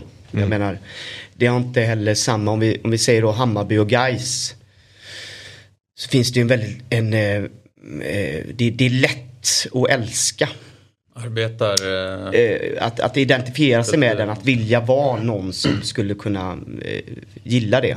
Örgryte är ju, det, det är något annat där och eh, Jag tror, mitt, eh, jag tror att min kärlek för dem håller på att växa mer och mer. Men det är också för att jag blir äldre och jag börjar, min, barn och så börjar bli i den åldern då jag själv lirade och, och man börjar bli farsans ålder liksom. Där han var mest eh, involverad i det. Här, jag som är från Stockholm inte, har inte liksom helt koll på hur liksom relationerna mellan Gais och ÖIS och Blåvitt har sett ut. Är, är Örgryte mer överklassklubben i Göteborg? Ja men, det, säga, ja, men det, det får man nog säga att det är. Liksom, det ligger ju, kommer från, från Örgryte som är liksom ett ganska fint område. Eller det fint, fint, finns, finns väl allt där, där med men jag menar. Jo men det är Det- Jag bodde det- faktiskt nästan i Örgryte. Jag Ja, bodde i. Lunden. Ja men du är Lunden, Det ja men då vet du ju, det. då vet du precis. Det är ju verkligen Örgryteland. Det, ju, det får man ju säga. Det är, ju- det är ju liksom ett, ett, ett, ett ganska stort villaområde Ja. eh, som ligger jättenära stan. Ja. Så det är ju såklart att det är... Hur, hur kan man, precis, Ja. hur kan man säga det på något sätt? Ett, ett, ett villaområde precis nära stan, ja. Och det har väl aldrig inom eh, fotboll varit eh, liksom så po- populärt. Mm. Eh, men jag menar det är också, fan Örgryte var den första klubben, vi var, vi var de som började lira fotboll liksom. Mm. Vi var de första i Sverige. Så det finns ju, Var det 18? ja, ja någonting, någonting. Nej men det var någon jävla, jag kommer inte ihåg, ihåg, ihåg årtalet men eh, Ja men fan. Men det är ju en av Sveriges mest anrika klubbar på så sätt. Alltså det är Ja. ju liksom, så är det ju. Ja. Eh, Som, det är också, 12 SM-guld va? så pass Bra, är det så? Shit fan du sitter på, Ja. ja. Vadå det är så, när var senast då? Ja, Det är det jag sitter och funderar över. Om det är under modern tid. Har de ett där alltså kan kolla på upp det. 80-talet? Jag tänkte också att... Om det var så här 89 eller något sånt där. Jag kollar på svenska mästare. Ja, det borde ju du minnas i sådana fall. Ja eller hur, Det bo- borde jag minnas. Men då var det ju, Eller 70, ja, jag, jag, jag vet inte men. Det var ju mycket där 20, Jag ser 85 85. Ja, det ser ser. ut som att kanske är det senaste. Ja. åh gud. Åh jävlar vad länge sedan det är. Men eh, alltså annars om, alltså, Men du, som du sa, kan vi snacka om- 1896 då vann Örgryte. Men du Häcken, vad typ fan hände där i år? Vad, vad, liksom, hur kunde det ske? Liksom, vad- Det är, ot- det är otroligt ju. Vad, vad, vad, vad var Häcken när du växte upp? Ja, men Liksom, eh, då, då var det verkligen i periferin. Jag tror att det var ett jättelitet lag. Alltså. I alla fall så, så minns jag det. Att Häcken, häcken var grymma i ungdomsfotbollen. Häcken fick man spö av. eh, Göteborgs BP typ. Ja, men, men sen det var ingenting som jag hade koll på i allsvenskan sen när man blev äldre. Alltså på... Men, men hur kunde de, de, de vann ju. Jag ska bara lägga till här, mellan 18, 1896 och 1913 så vann ÖIS 11 eh, Ja, mästerskap. då. 1913. Jävlar, det är länge sedan alltså. Men det var ju för att vi satte reglerna. Det, det var vi som anställde domarna, det var våran plan, det var allting. Bollen var våran. Det var ju liksom så här, vad fan. Ja. Men det vann sen då, det var många. Och sen har vi 85 så vet jag inte, det kanske är något som jag missar emellan. Men kan ni berätta då, ni som vet fotboll. Häcken var, vadå? Ja, Fabbe du får, du får berätta. Ja, finns bara, alltså, de en har kort ju, summering av, av ja, men Häckens de har ju mycket pengar. Alltså med Gothia Cup och det här. Ehm, Okej, det är de som anordnar det? ja.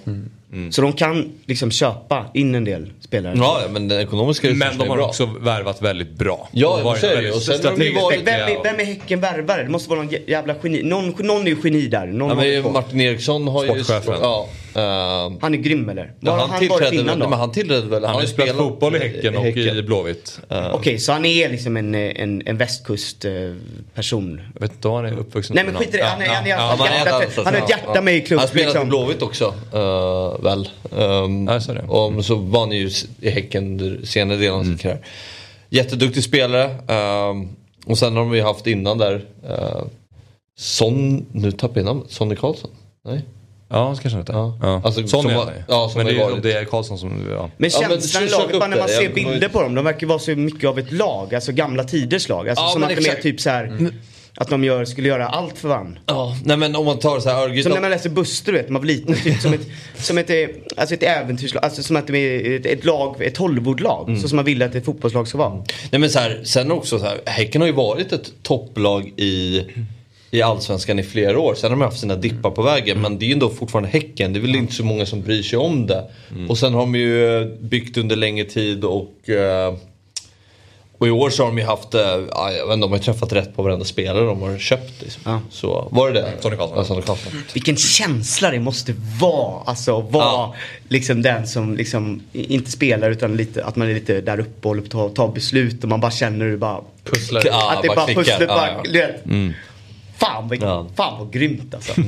Men ska sägas att eh, ÖIS då igår, de kvalade ju för att hålla sig kvar i I, Superettan. I Superettan, det är så Ja. hemskt att jag orkar inte. Men de vann igår i alla fall. Ja. Med 2-0 mot Sandviken. Ja, bra. Såg, jag vet inte om ni kanske inte såg matchen men såg ni, matchen. såg ni Jag missen? såg missen. Ja. Han, han har väl gjort typ såhär Någon 24 mål Sandviksspelare, deras i- skyttekung, hade, det var en av de grövsta man har sett. Det Ja, står det- 0-0 då också tror jag. Det finns en ledig lägenhet i Sandviken idag kan jag säga. Ja, men eh, det är så här Jonas att vi börjar faktiskt närma oss nio redan. Ja, fan, jag, ja, då, då ska jag dra va?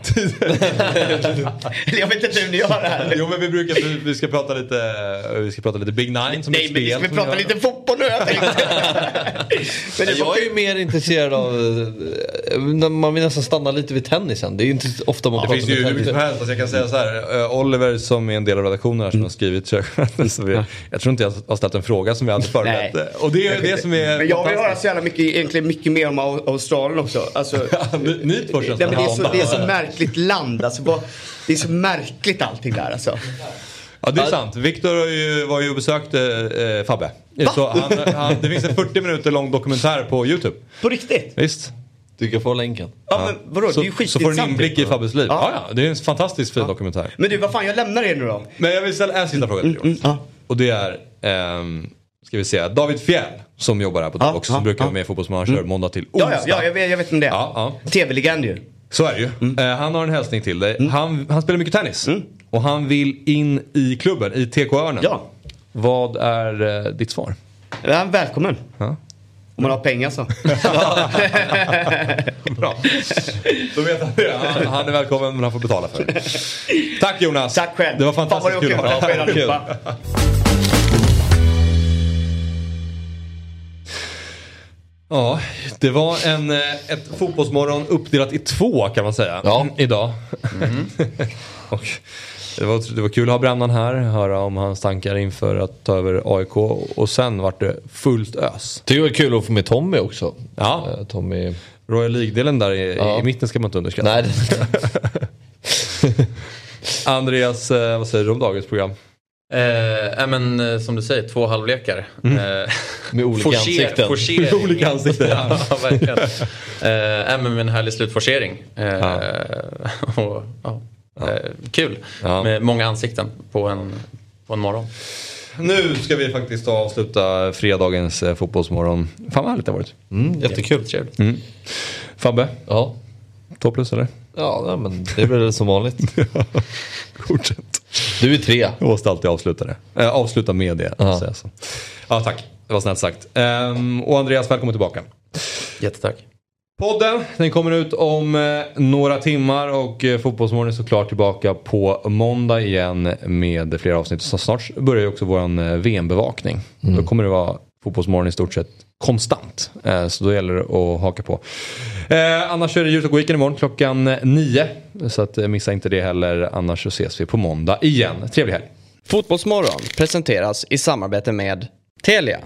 Samla sporten med alla matcher från Uefa Champions League, Allsvenskan, Superettan och SHL i ett paket. ATG. Odds på Premier League, Allsvenskan och all världens fotboll.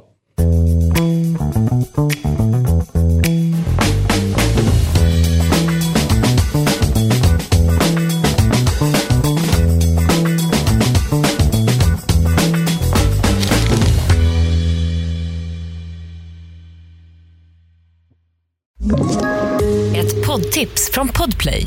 I fallen jag aldrig glömmer djupdyker Hasse Aro i arbetet bakom några av Sveriges mest uppseendeväckande brottsutredningar. Går vi in med hemlig telefonavlyssning och, och då upplever vi att vi får en total förändring av hans beteende. Vad är det som händer nu? Vem är det som läcker? Och så säger han att jag är kriminell, jag har varit kriminell i hela mitt liv men att mörda ett barn, där går min gräns. Nya säsongen av Fallen jag aldrig glömmer på Podplay.